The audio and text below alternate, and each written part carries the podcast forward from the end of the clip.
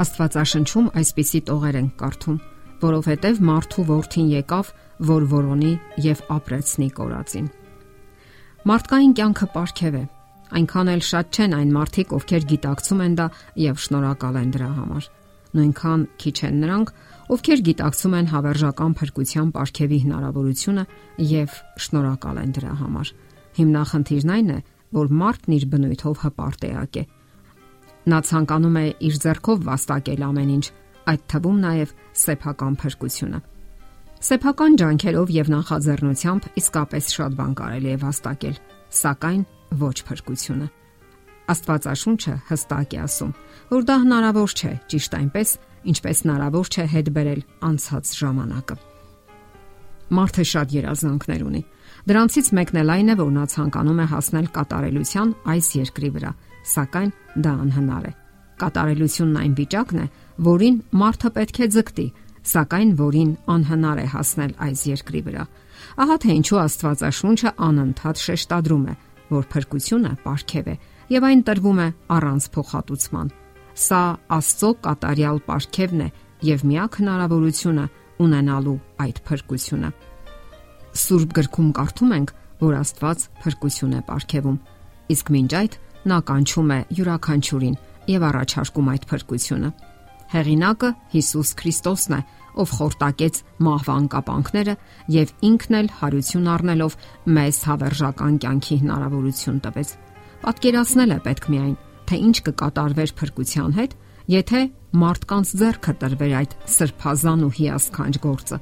Տեղի կունենար այն, ինչ կատարվում է այսօր երկիր մոլորակում գործի կդրվեին մարդկային կապերն ու ծանոթությունները, գումարները, կաշառքները եւ պարզապես անարթարության բոլոր հնարավորությունները։ Սակայն Փարք Աստծո, որ նա իր իմաստությամբ սեփական ձեռքն է վերցրել այդ ամենակարևոր ծառայությունը, դրա համար մեզ մնում է միայն շնորհակալ լինել։ Իսկ ինչպես իրականացավ փրկությունը։ Մեղք գործելուց անմիջապես հետո Աստված հրճակեց իր կամքը Եվ ահա բազում հարյուրամյակների ընթացքում հավատացյալ մարդիկ ընդունել են այդ փրկարար շնորհքը։ Նրանք ամենից առաջ ենթարկվել են Աստծո կամքին, ապա նվիրաբերվել նրան։ Շատերն այսօր անպատվաբեր են համարում Աստծո կամքին ենթարկվելը։ Նրանք դա համարում են ազատության սահմանափակում եւ չեն էլ պատկերացնում, որ Աստծուն հնազանդվելը հենց իրական ազատությունն է, որ կա։ Մեր փրկության եզակիությունը parzabanելու համար Քրիստոսը 3 առակ պատմեց.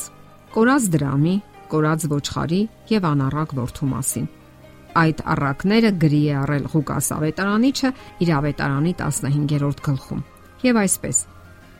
Քրիստոսը շատ կենթանի ու վառ գույներով պատկերում է հոտից դուրս մնացած ոչխարին, ինչպես նաև Հովվին, ով չնայելով եղանակային դժվարություններին դուրս եկավ որոնելու եւ գտնելու կորած ոչխարին։ Գտնելով նրան նա վերադարձավ գոհ, բավարարված ու երջանիկ։ Ահա այսպես է ցնծում Հիսուսը յուրաքանչյուր կորած մարդու փրկության համար։ Եվ արդյոք դա հրաշալի չէ ունենալ հոգատար ու կարեկից հովիվ այնպիսին, ինչպիսին Հիսուսն է։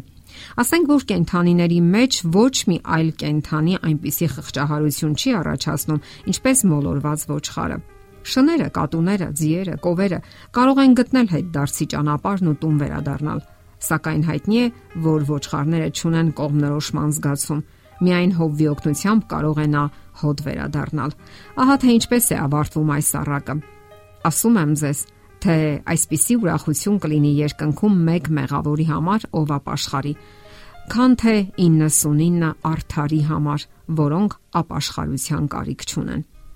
Այնուհետև հետևում է կորած դրամի մասին պատմությունը։ Ոչխարը կորչում է իր անհոգության պատճառով, իսկ ահա դրամը կորչում է տիրոջ անհոգության պատճառով։ Ոչխարը զգացողություն չուներ, իսկ դրամը գիտակցություն։ Ղուկաս ավետարանիչը առանձնահատուկ ճշգրիտ է իր պատմության մեջ, որովհետև կորած դրամը ոչ թե այդ օրերին շրջանառության մեջ եղող դինար էր, այլ լումա, որն այդ օրերին դուրս էր եկել շրջանառությունից եւ օգտագործվում էր որպես զարդ։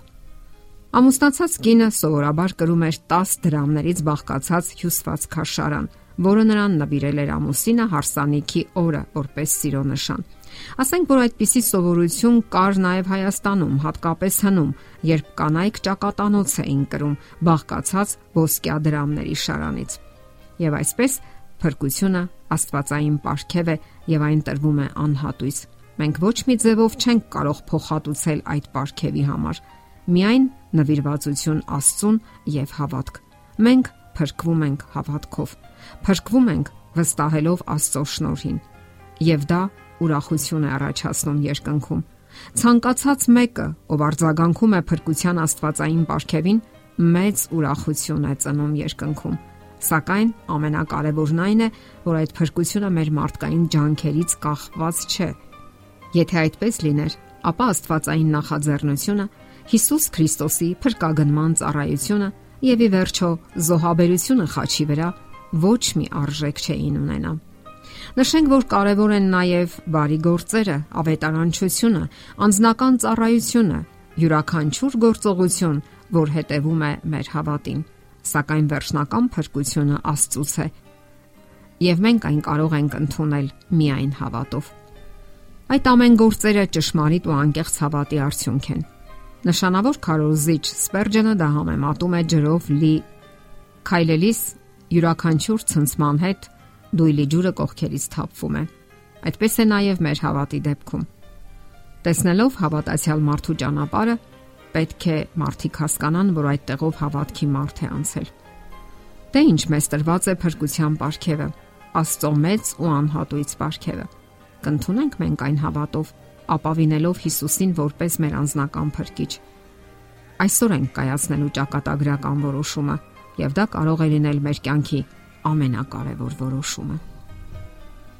Եթերում է ղողանջ հավերժության հաղորդաշարը։ Ձեզ հետ է Գեղեցիկ Մարտիրոսյանը։ Հարցերի եւ առաջարկությունների համար զանգահարել 033 87 87 87 հեռախոսահամարով։